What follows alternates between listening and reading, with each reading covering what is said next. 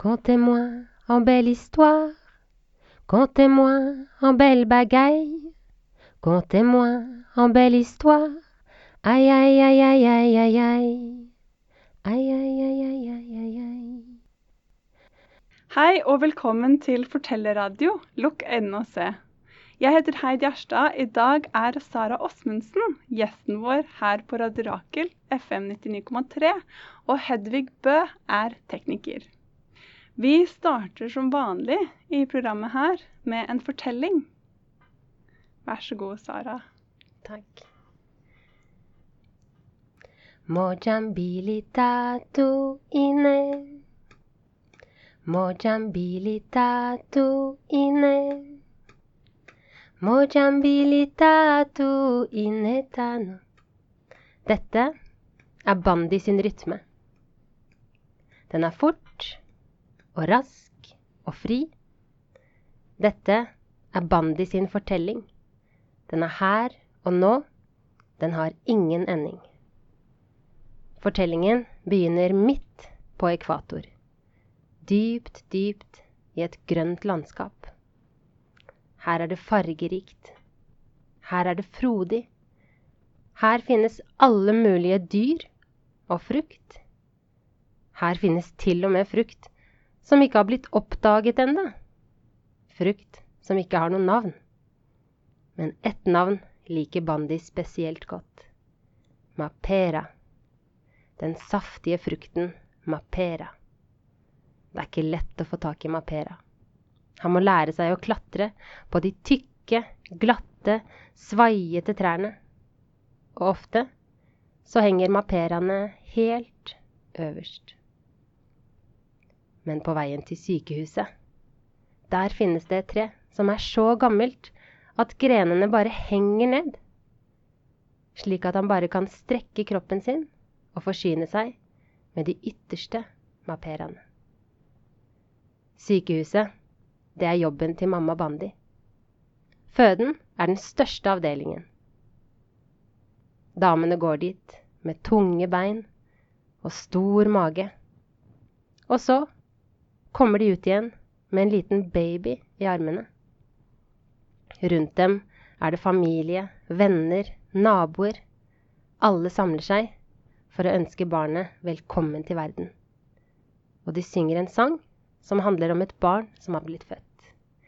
Mwana kuira, ayeye, aye, mwana kuira, ayeye, mwana kwira. Mwana kwira we, aiyeye aye, mwana kwira, ayeye, mwana kwira. Bandi, han vet hvor alle babyene ligger. Nederst i gangen. Rommet med blå dør. Der ligger alle de små kurvene med babyer oppi. De har bitte små tær og neser og hender og negler. Bandi, han trives i det rommet. Han drar dit ofte. Han liker å nærme hånden sin en liten babyhånd, og da griper de bitte små fingrene hardt rundt den store pekefingeren hans. Den beste følelsen i hele verden. Og hvis de gråter, så kan man løfte dem opp, vugge dem og synge for dem. Posico me cucha, toto las mulale, toto la-la. Natten har nå kommet, posico me cucha. Toto las mulale. Den sangen synger Josefin alltid når hun vil at barna skal sove. Josefin, det er bestevenninnen til mamma Bandi. De jobber også sammen. Og selv om de prater og prater på jobb, så virker det som om de aldri blir ferdig med historiene sine. Bandi, han liker å sitte under bordet og høre på dem. De prater med høye stemmer lave stemmer, hviskestemmer, stemmer som snakker samtidig, og stemmer som ler og ler og ler.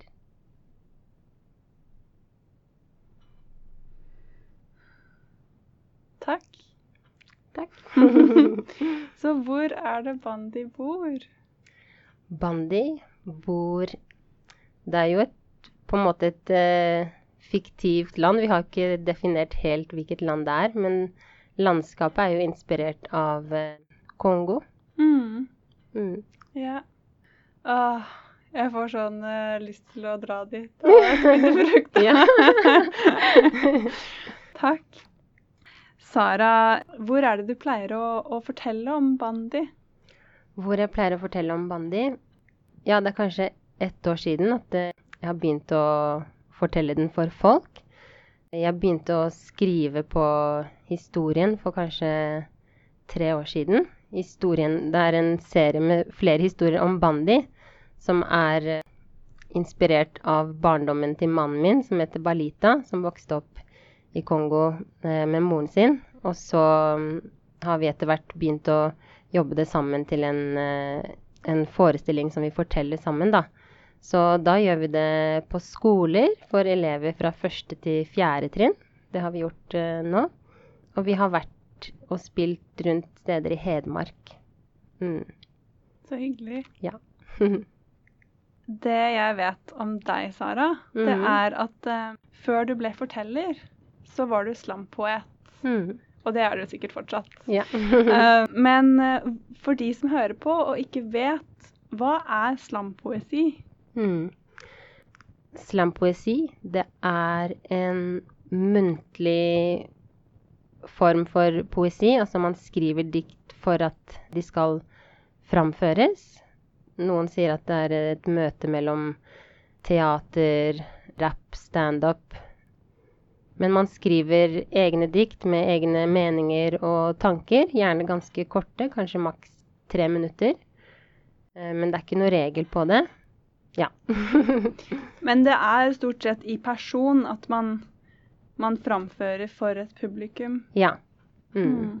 Og så finnes det konkurranser, slampoesikonkurranser, hvor folk framfører egne dikt, og publikum gir sin vurdering av hva de syns var beste dikt, og så går folk videre til delfinaler og finaler. Så det er både en, en egen sjanger, og så finnes det også en konkurranse rundt det, da. Ja, Som man jo ikke har i fortelling. Kanskje man burde Nei. hatt uh, mer uh... Ja, eller det er kanskje litt noe sånn storyslam eh, Ja, det fins jo. Mm. Mm. Så det er Ja. OK, så Storyslam er konkurranse I fortelling, det, ja. Jeg er ikke helt oppdatert på alt som skjer, men jeg tror det er det at man det, Jo, jeg har vært på en hvor eh, flere kommer med hver sin fortelling, og så Nå husker jeg ikke hvordan publikum stemmer, men i hvert fall så går folk videre til ja, finalen. Og med all slags fortelling. Ja. Mm, OK. Mm. Også, men jeg tror det er kanskje tema på forskjellige. Sikkert en gang så er det om man må fortelle om det temaet eller det tem temaet. Mm. Ja. Det gir jo mening. Jeg husker at på en fortellerfestival for kjempelenge siden så var det en lyvekonkurranse. Ah. Og da var det Men det var jo ikke hele historier. Det var mer uh, løgn, da. ja. Ikke sant. Men på den her uh, Ja, at man gikk videre, da. ja. Men det var mer om man måtte overgå hverandre, for det er ikke så mye stemmer fra publikum. Det var mer sånn Mitt troll er større enn ditt troll. Oh, ja. oh, ja, sånn, ja. Og så til slutt ja, mitt troll så stort at det spiste opp ditt troll. Da, da er man ute. Da er det mer den battle-formen. Ja, Mm. det kan man si. Ja. Mm. Så hvordan var det du kom fra slampoesi og til fortelling? Det var vel egentlig gjennom et møte i, i Fortellerfestivalen. Fordi jeg, var, jeg, drev med, ja, jeg drev med slampoesi og skrev dikt, eh, framførte dikt. Og så kom jeg over et kurs av en som heter Jan Blake, som er en forteller fra England. Og så meldte jeg meg på det kurset. Ja, det åpnet opp en verden for meg, syns jeg, både av materialet. Hun, var, hun er også fra Jamaica, og hun hadde mye kunnskap om karibiske fortellinger. Og jeg er fra, moren min er fra Martinique, så jeg ble veldig også fascinert av bare å lære mer om, mer om hele det materialet som fins i kreolske og karibiske fortellinger. Og ja, etter at jeg var på det kurset, så gikk jeg da på muntlig fortelling på Høgskolen i Oslo og ville lære mer om dette med fortellerkunst, hva slags eh, metoder og teknikker man kan lære seg. Mm. Ja, hun er jo helt fantastisk. Ja. Det vil jeg anbefale dere lyttere hvis dere får sjansen til å høre Jan Blake. Så Mm. Mm. Ja. kanskje hun blir gjest i programmet en gang. Det, Neste gang Det er en god idé. Det Mm. syns jeg. Så hva var det som eh, Da du da ble eksponert for det og fikk interesse for det, hva Mm. var det med fortellerkunst som frista deg eller snakka til deg? Det var eh, det å dele. Når jeg begynte med poesi, og poesi som skal framføres, så likte jeg på en måte den, den delen med hvor du kanskje deler et dikt, og så skjønner du at uh, andre kanskje kjenner seg igjen, og en sånn type sånn fellesskapsfølelse. Og med muntlig fortelling så kan man på en måte strekke det ut enda lenger, fordi fortellingene rom Det er et rom hvor du vet at det er en start og en slutt, og hvis det er en god fortelling, så får du med deg alle hele veien, og ja, det er en sånn en felles uh, reise som kan gå i så mange forskjellige steder. Ja. Og den, så den strukturen er noe man kan liksom støtte seg på sammen? Eller? Ja, det, ja, det med å, å Hvordan kan jeg forklare det? Jeg bare liker det med å møte et publikum, og så drar man sammen på en reise. Ja, det er egentlig det. Ja. Ja. Og det er jo en reise som de ikke ville klart å gå på uten at du var der og fortalte. Eller de ville ikke Mm. kommet på at å, nå skal jeg Ja, nå skal jeg dit. Ja. mm. Så noe av det du gjør, Sara Åsmundsen, ja. er å holde kreative verksted og kurs. mm. Hvordan er det du bruker fortelling i de Kanskje det er forskjellig fra, Mm. fra kurs til kurs, eller? Ja. Men jeg bruker mye av fortelling.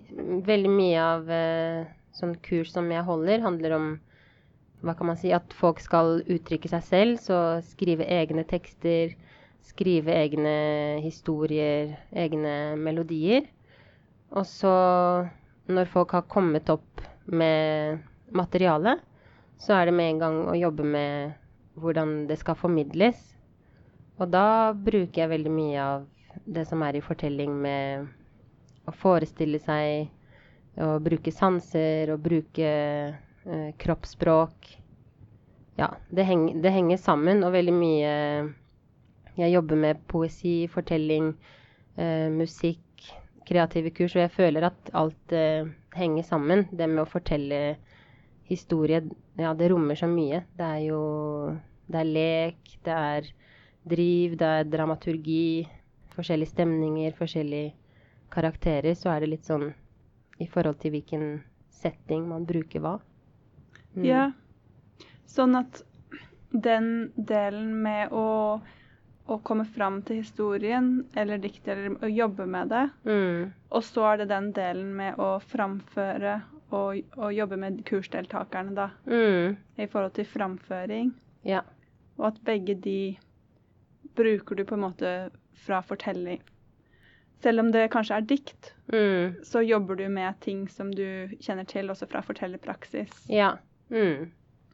Og jeg Mm. føler at når man skriver dikt, så er det også mye fra fortellerpraksis som man bruker der. Og ja, så det går liksom inn i hverandre. Og har du Mm. noen eksempler? På hvordan man, når man skal skrive dikt, hvordan man kan bruke fortelling. Eller hvis man skal skrive egne fortellinger, for det er det jo ikke Mm. alle som gjør. Nei. Eh, jeg mener, det er jo ikke alle fortellere som gjør det heller. Nei. Nei. Når man holder kurs for, Mm. eh, for folk, hvordan er det man eh, på en måte hjelper dem til å Å sette i gang. mm. Er Jeg liker å bruke ganske sånn konkrete Kanskje tekniske øvelser som gjør at man egentlig ikke tenker så mye, men plutselig så har man bare skrevet noe. For eh, det, no, mange sånne øvelser har også blitt utviklet av folk som driver med slampoesi og holder kurs. F.eks. at man skal skrive Når man jobber med unge, da, så er det gøy med konkurranse. Så da er det å skrive på to minutter eh, mest mulige stikkord om seg selv. Det er alt du kan komme på om deg selv. Ja, hva moren din heter, hva du liker å spise, hva du liker å se på TV, hva du drømmer om. Liksom skrive masse, masse, masse stikkord. Og så ut ifra alle de stikkordene så skal man gå tilbake og se på dem, og så ta en ring rundt de tre som man liker best. Og så til slutt så ender man på ett stikkord. Og da har de kanskje valgt ja, ett ord som de bare har kommet ut av dem, men så etterpå så syns de at det er interessant. Og så er det kanskje um, ett minutt med friskriv bare med utgangspunkt i det ordet. Hva er det som faller deg inn? Ja, så jeg, med sånne skriveøvelser så liker jeg egentlig mye å jobbe med at man har kort tid. Da får man ikke tenkt så mye, bare det som må komme ut. Og så kan man eh, gå tilbake og se på det. Ja.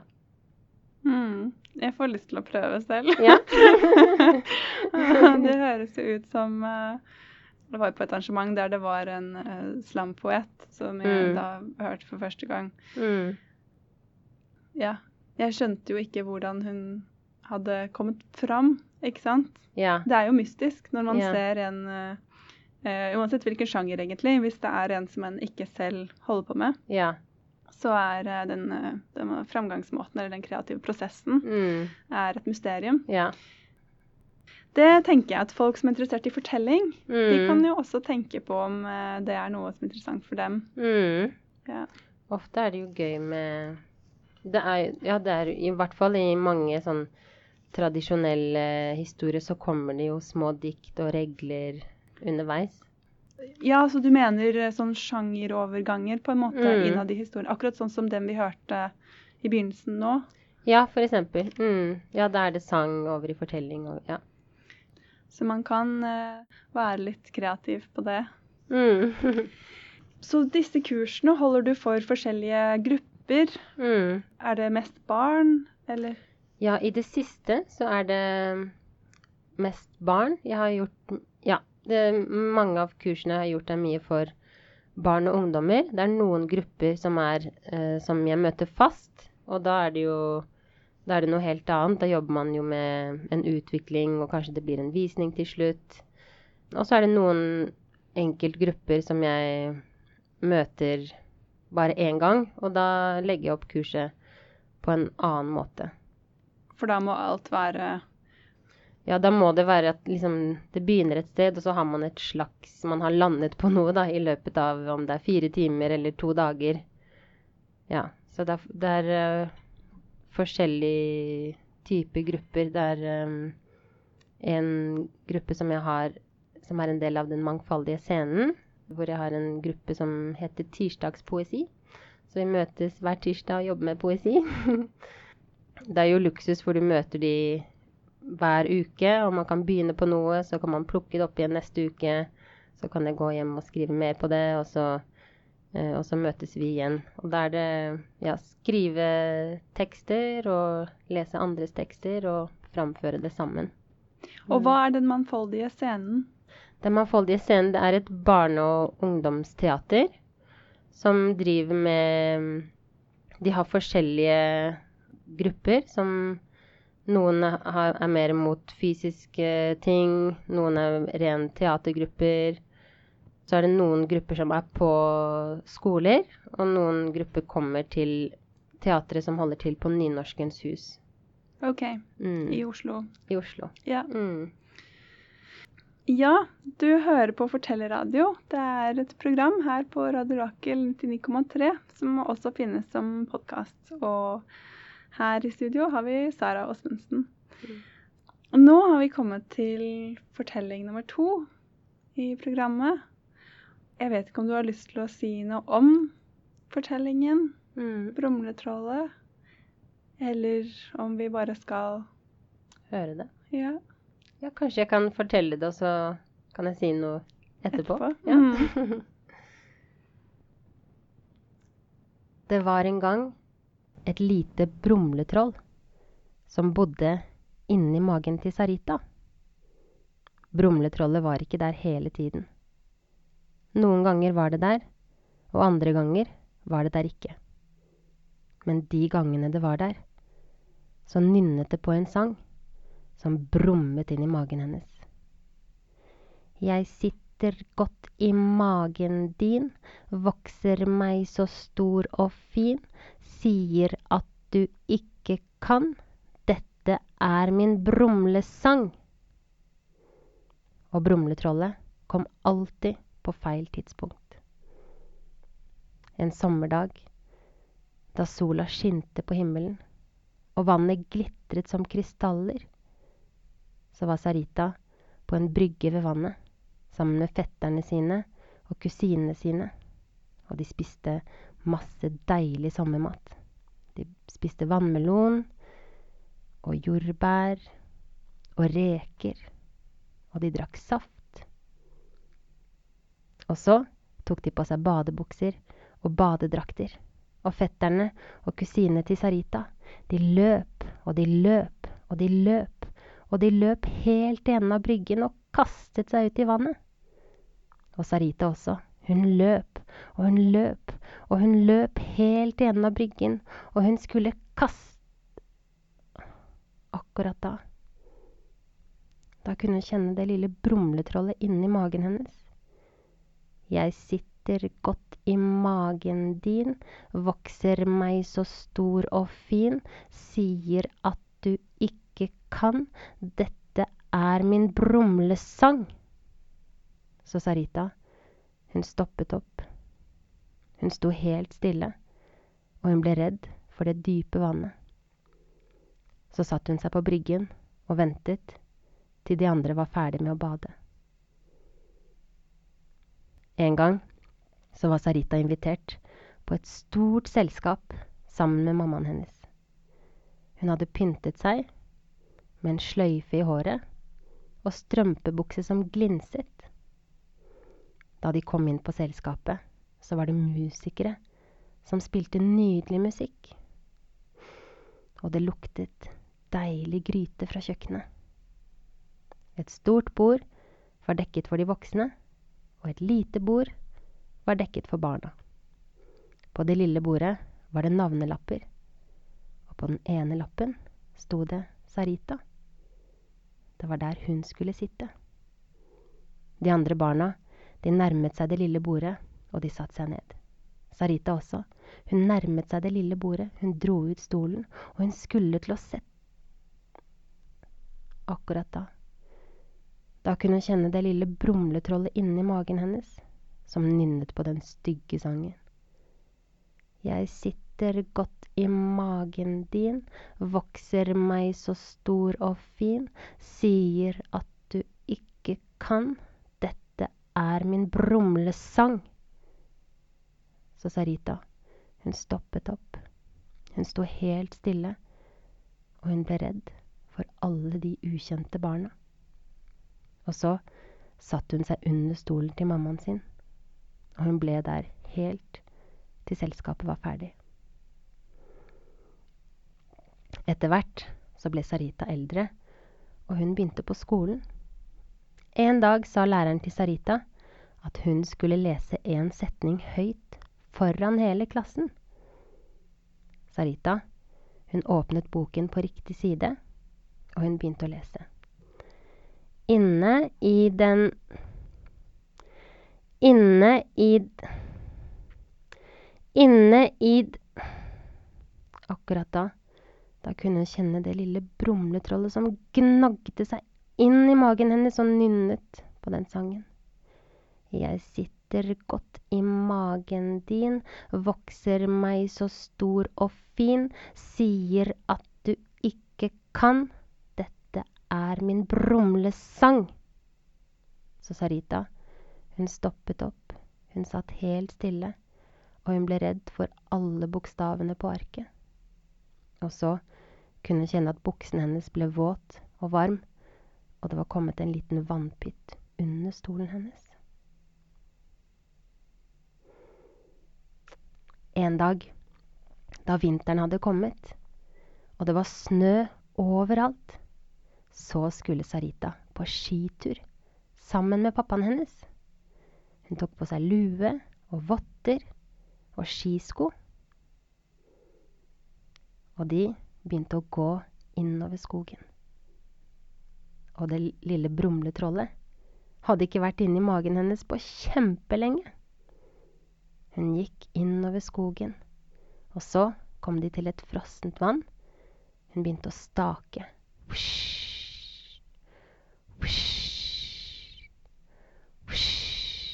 Én kilometer.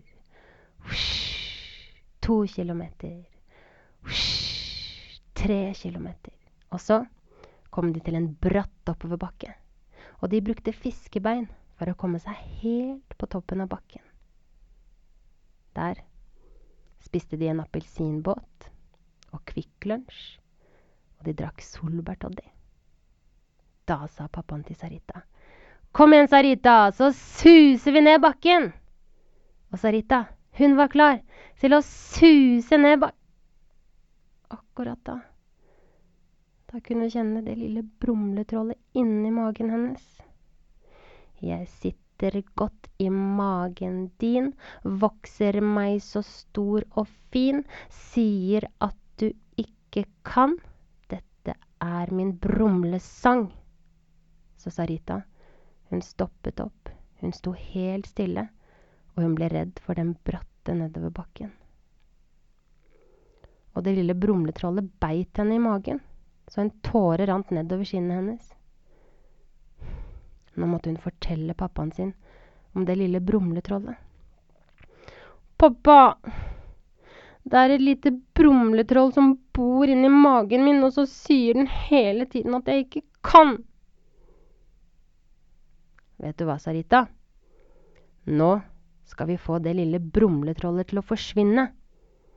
Og hvordan da? Det du skal gjøre, at du skal holde stavene dine hardt. Og så skal du telle til tre og bøye deg over. Og så skal du klemme brumletrollet bort. OK. Én, to, tre Sarita bøyde seg over og klemte magen så hardt at hun kunne kjenne brumletrollet knuse i tusen biter og forsvinne ut av kroppen hennes. Hun holdt stavene tett inntil kroppen, og hun suste ned den bakken. Og rundt henne så kunne hun se bitene fra brumletrollet forsvinne mellom snøen og trærne og vinden. Rett bak henne kom pappaen hennes. Yes! Vi klarte det! Og helt siden den dagen så har det lille brumletrollet ikke vært inni magen til Sarita. Men hun skjønte at brumletrollet hadde venner og fettere og kusiner, og noen ganger så prøvde de å bo inni magen hennes. Men nå visste hun veldig godt hva hun skulle gjøre for å få de til å forsvinne. Hun kunne telle til tre, klemme magen, og så hjalp det å si fra til noen.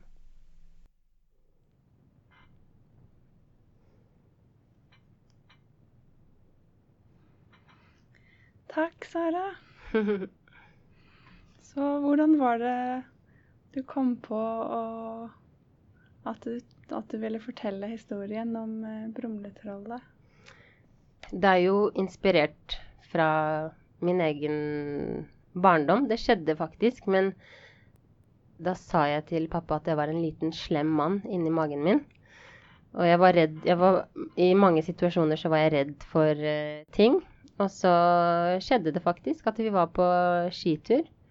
Og så bare Akkurat det. Bøyde meg over og klemte hardt, og så forsvant den slemme mannen, da. Og så etter hvert, da jeg begynte med fortelling, så tenkte jeg at jeg hadde lyst til å Eller det var egentlig da jeg gikk på um, skrivekunststudiet at jeg kom på at jeg begynte å skrive litt sånn rundt den historien, da, om det kunne bli noe. Og samtidig så drev jeg og fortalte for barnehagebarn. Så testet jeg det ut noen ganger. Så det gikk flere runder med å finne hvilke ord man skal bruke. fordi for meg så var det ganske sånn tydelig med en liten slem mann som var inni magen. Men for andre så kanskje ordet slem det blir feil. Og, ja, så brumletroll landet jeg på til slutt. Da. Også den lille regelen kom etter hvert. Og den strukturen i historien er jo litt sånn uh, som mange eventyr hvor ting gjentar seg og ja. Mm. Og hva, hva slags respons får du fra barn når du forteller den? Jeg pleier å fortelle denne historien rett etter en annen historie som også er sånn litt fra min barndom, med at jeg var så glad i å ha håret mitt løst før. Så var det bursdagsselskap hvor jeg hadde håret løst i stor afro, og så endte det med at uh, håret mitt begynte å brenne pga. et stearinlys. Og den gjør jeg litt sånn komisk, så jeg på en måte inviterer barna inn til, um, inn til meg, og vi ler litt. Og, da, um, og så går jeg over i den brumletrollet-historien som er litt mer sånn skummel, kanskje, eller vanskelig. Så det med å, å få de Jeg pleier å få de med på, um, på historien, og de, de syns jo at uh, det er jo skummelt med det brumletrollet som alltid kan dukke opp. Ja, før så fortalte jeg den også jeg-person, men nå har jeg begynt å si Sarita, fordi da kan de også mer identifisere Eller de liksom får sympati for, eh, for Sarita, og jeg spør om de kan være med på den, den regelen. Og de er jo med på den, selv om de vet at eh, den Det er jo ikke bra, men de er, de er med og sier det. Og så hender det, når jeg er ferdig å fortelle, så Forleden når jeg fortalte, så var det en gutt som Vet du hva, jeg har et bitte, bitte lite brumletroll oppi min egen mage. ja, jeg har også det. Og så, og så, er jeg på slutten, så får jeg de Jeg sier at siden vi har fortalt om brumletrollet, så vil jeg ikke at det skal være noe brumletroll inni deres mager. Så vi må alle reise oss, og så må vi klemme brumletrollet bort. Og så da er det kanskje noe som promper litt, og som blir litt sånn gøy. Så det er jo noen som, som eh, på en måte kan kjenne seg litt igjen, og så er det noen som, som, ser på det som veldig sånn abstrakt. At oi, det er en rar ting inni der. Oi, kanskje jeg må ut av vinduet. Ja, så, så er det litt sånn også i forhold til hvilken alder man forteller det for. Altså jeg har egentlig gått flere runder med å teste og finne ut hvilke ord jeg bruker, og hvordan jeg på en måte introduserer og avslutter historien. Mm.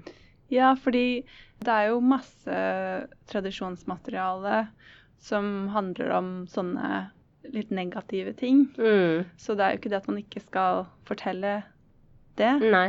men det er bare hvordan man Hvordan man gjør det, sånn at man At det lander eh, Og jeg merker også at denne historien uh, har jeg også gjort mye med en, en musiker som heter Jørn Erik Alsen, hvor han spiller musikk til det.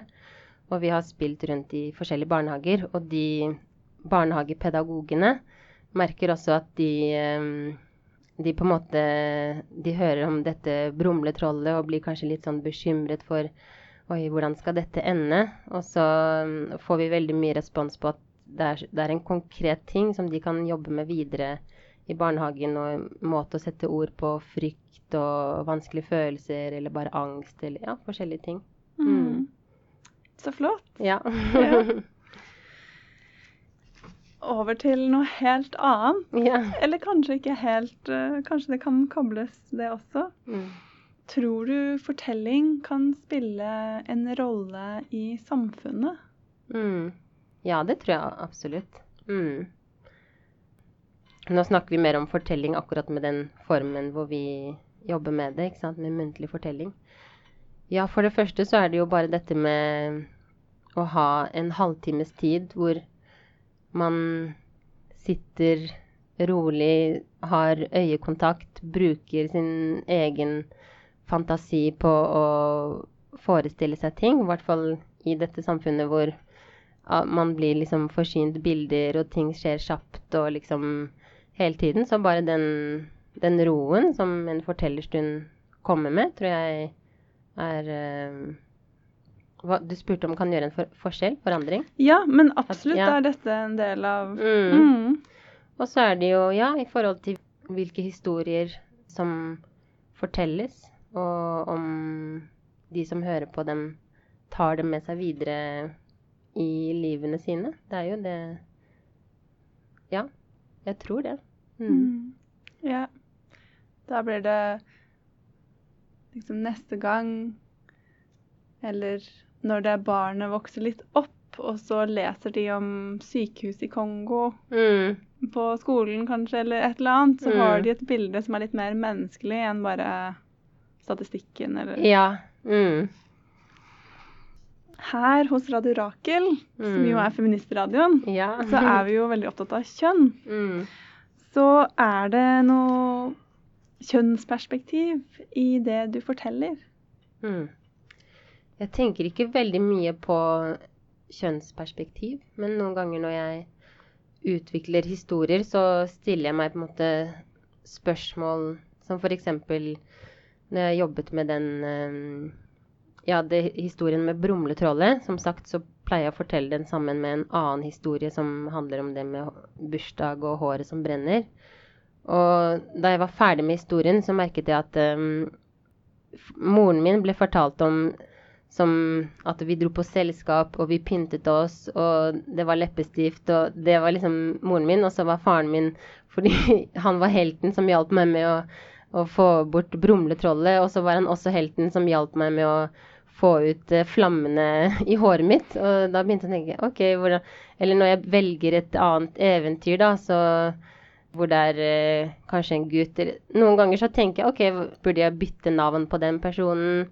Så det er liksom mer underveis at man, man stiller seg spørsmål og ja, prøver å tenke hvilket spor er det man, man går i, og kanskje det er en måte hvor man kan fortelle det annerledes. Jeg syns det er fint å fortelle og på en måte ikke gjøre ting helt sånn politisk korrekt, fortelle ting som det er, men man må jo alltid ha i baktankene ja, hvordan man pre re- presenterer ting. Ja. Ja, at selv om moren din sikkert er veldig vakker, Mm. at hun sikkert har andre sider også. Ja, ikke sant? Og- Ja. Ja. ja, kanskje man kan si at hun, hun Ja, at hun hadde Eller måtte det være For eksempel, da, nå landet jeg på det at eh, vi dro på selskap og vi pyntet oss, men man, ja, kanskje man kan heller si at jeg dro på skitur med mamma. Og, ikke sant? Fordi ma mamma går jo på skitur og gjør disse tingene, så mm, Men det er jo ikke sant, det med prinsesse og Ja, så i eventyr så blir kanskje kvinnepersonene mye rundt også de, te de temaene. ja, fordi det er jo veldig mye i eventyr om eh, eldre kvinner. Mm. Løsningsorientert. Ja, altså- komme med visdomsord og Ikke Mm. sant? Ja. Men det er ikke nødvendigvis eh, mødrene sånn direkte. Nei. Nå føler jeg at jeg generaliserer. Ja, jeg har heller ikke masse sånn kunnskap og liksom oversikt, men jeg, tenk, jeg tenker eh, Ja, noen ganger så stiller jeg meg spørsmål med hvilket navn skal jeg bruke, hvilket kjønn skal den personen ha? I hvert fall hvis jeg bruker eh, sånn tradisjonsmateriale. Skal jeg fortelle akkurat som det er, eller skal jeg gjøre endringer? Ja. Ja, for det kan man jo tenke seg at eh, under overleveringen av tradisjonsmateriale, så har hun folk tatt slike valg hele veien, ja, ikke sant? antakelig. Og det er jo åh, Det hadde vært så spennende hvis det fantes mer muntlige kilder på en måte, fra tilbake i tid. ikke sant? Mm. Det er jo sånn fysisk umulig, men Ja. eh, Kan bare forestille seg. ja. Mm. Sara, du jobber også med musikk, Mm. som vi jo hørte, de, de sangene som del av historien. Men uh, musikk er også en del av din forestilling uh, 'Spor av dråper og rød nebb'. Mm. Kan du fortelle litt om hvordan du bruker musikk sammen med fortelling? Mm. Ja, fordi på en måte før nå, nå har vi gått sånn kronologisk at etter poesi så kom fortelling.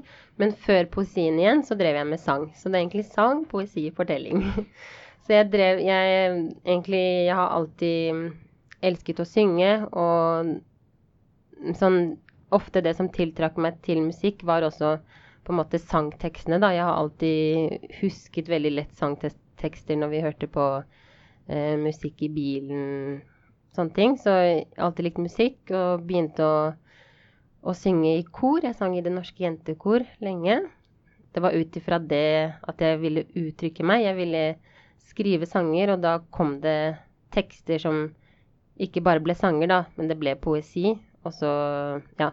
Så, mens, ja, så jeg har alltid likt å synge, og så er det mer gjennom poesi og fortelling igjen at jeg har tatt inn sang mer som en del av den dramaturgisk oppbygning, fordi at nå forteller jeg denne historien, og nå vil jeg at denne sangen skal komme At de, ja, på en måte at sangen uh, hjelper historien da, til et sted.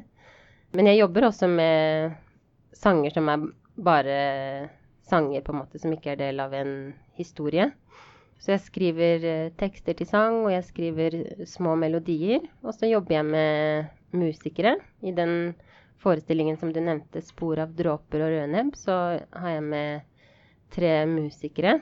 Det er um, Alejandro Gisper, som spiller kontrabass, og Lius Baruk, som spiller perkusjon, og Jørn Erik Halsen, som spiller uh, gitar. Den er egentlig en konsertforestilling som begynner med sang, som går over i historie, uh, går over i dikt, går over i, i musikk. Ja, og de musikerne Jeg syns etter hvert at vi har kommet fram til Ja, vi alle forteller historie. F.eks. det er et sted hvor det kommer masse insekter, og da er det Alejandro som lager insektlyder på kontrabassen, eller at trærne som beveger seg, så lager de en, et lydbilde som illustrerer det.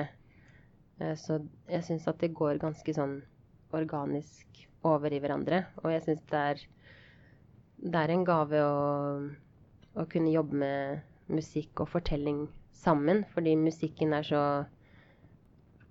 Den er veldig inviterende. Man må ikke alltid ha et ord som sier kan dere være med på det? Man kan, man kan, bare gjøre det, og så skjønner de hva som er rytmen, eller hva som er melodien som skal Ja. Så jeg er veldig glad i å bruke musikk. Ja, sånn til publikum, mener du? At man mm. trenger ikke være eksplisitt. At 'nå kommer sånn'. Ja. Men musikken kan lede deg inn. Ja. Hjelpe med å lede det ene i de andre. Og utdype de forskjellige stemningene. Ja. Og rent sånn praktisk også, sånn når man går rundt og spiller uh, Eller forteller for folk, så er det også en mulighet til å i hvert fall min erfaring da, er at uh, man kan spille også for litt fler, når man Så klart når man er flere på scenen. Så når man har uh, musikk både i forhold til målgruppe Det er bare min erfaring i den forestillingen hvor jeg har med Vi er tre musikere. Den spiller vi fra, for første til uh, syvende trinn. Og da føler jeg at selv om de minste kanskje ikke får med seg alle detaljene i fortelling, så er de fortsatt med, og det er også med hjelp av musikken, da. Mm. Mm. Ja. Så når du jobber med en slik forestilling og mm. skal utarbeide den, mm. er det da i samarbeid med musikerne? Mm. Ja, det er, ganske, det er ganske forskjellig, men uh, i de fleste prosesser så, så begynner samarbeidet med musikerne ganske tidlig. At jeg har en, et utgangspunkt til en idé. Fordi jeg spiller ikke instrument, og jeg komponerer ikke, men jeg synger, og jeg kan komme med ideer på melodier. Og så kommer de med sine innspill, ja. Så komponeres det sammen. Og så er det også veldig mye i møte med publikum at ting faller på plass. Ja. Man bare skjønner at uh, den sangen må ut, og den må inn, og ja. Ja, Så det er en kontinuerlig prosess? Ja, det syns jeg. Ja. Man lander jo etter hvert alltid på noe, men det tar tid, egentlig, syns jeg, å lande på det som Ja, det som fungerer aller, aller best. ja, det er spennende, fordi vi hadde et program i forrige uke med Shabana Rehman. Mm. Og hun kom jo til fortelling fra standup. Mm. Og hun snakket mye om det her med i kontakt med publikum at, fra standupen at man måtte bare prøve det ut. Fordi mm. man kunne ikke vite hva som fungerte mm. uten publikum. Ja. Du snakker om en litt lignende prosess. Ja. Også med barnehagebarna, ja. med den andre mm. forestillingen. Ja, ja jeg, jeg, ehm, jeg, er veldig heldig som Gjennom tirsdagspoesi så har jeg denne gruppen med de fra åtte til ti år som jeg møter en gang i uken. Og da jeg jobbet med den, utvikle den forestillingen med Brumletrollet så fikk vi lov til å ha en sånn forskningsperiode hvor vi møtte barna flere ganger, var i deres barnehage hver dag og bare kunne spørre barnehagepedagogene hvordan det året vil funke, eller hvordan det Så jeg syns det er eh, Ja, når jeg utvikler ting, så liker jeg veldig godt å, å møte publikum, eller i hvert fall aldersgruppen, underveis. Mm. Og har du noen planer eller ting framover som du tenker på? Nye forestillinger som du vil dele? Ja, ikke noe sånn historiene med Bandi, som er da med Han heter Balita Serge Bohendo, som, hvor vi lager de historiene sammen. De mm, kommer til å ut Nå er det én historie som vi, har, som vi spiller som forestilling. Men vi kommer til å skrive alle skriftlig, og også gjøre de til um, at de kan spilles inn med lyd og, og, med musikk. Så det er noe som vi skal jobbe med framover. Ja. ja. Og jeg merket det egentlig tidligere, men um, er det en årsak til at, at, du har noen blader? Ja, det er for, det er for avslutning. Det er en lydeffekt. Okay. Det kommer, det kommer. ok, Kjempefint. Gleder meg. Så, alle burde jo ha med ting på ja. radiointervju. Du, det så jo litt fint ut også. Ikke sant? Så jeg heter Heid Gjerstad, og i dag har du hørt Fortellerradio Lukk øynene og se på Radio Rakel 99,3 med Sara Åsmundsen som gjest og Hedvig Bø som tekniker. Til slutt har Sara en historie til oss. Contez-moi en belle histoire. Contez-moi en belle bagaille. Contez-moi en belle histoire. Aïe, aïe, aïe, aïe, aïe, aïe, aïe. Écoutez bien, paré pour toute chose qui est passée. Contez-moi en belle histoire. Aïe, aïe, aïe, aïe, aïe, aïe, aïe. Tout monde vini, tout assise. Contez-moi en belle surprise. Contez-moi en belle histoire. Aïe, aïe, aïe, aïe, aïe, aïe, aïe.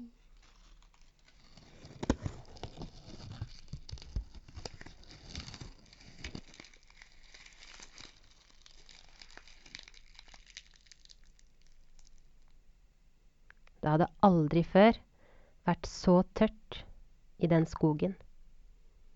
Alle blader og kvister grillet, visnet under den sterke sola. Risling og knasing for hvert eneste lille steg. Ikke et spor av fuktighet. Alle dyrene, som pleide å sprade rundt i den store skogen, de satt helt stille i skyggen. De lukket øynene og drømte om grønne, fargerike, frodige dager. Men da de åpnet dem igjen, så var det like varmt og tørt. Tidlig en dag kom et lyn på himmelen, og der lynet traff, kom en liten flamme. Flammen spredte seg og ble til en stor brann. Alle dyrene, de tok til å løpe fra brannen i full fart og da de var kommet et stykke, stoppet de for å se seg tilbake. De så hjemmet sitt forsvinne i store flammer, tykk, grå, svart røyk. Men langt der borte, liksom rett over den grå røyken, så kunne de se en bitte liten rød prikk. Prikken beveget seg, fram og tilbake. Fram og tilbake. Fra et vann til brannen og tilbake til vannet. Da de kikket enda nærmere, så kunne de se at det var en liten kolibri med rødt nebb og med lilla vinger. Kolibrien hentet vanndråper, slapp dem ned over brannen og fløy tilbake for å hente mer. Hei, du lille kolibri! Hva tror du du kan gjøre med de små vanndråpene dine mot den store brannen? Uten å la seg forstyrre, svarte kolibrien. Jeg gjør det jeg kan.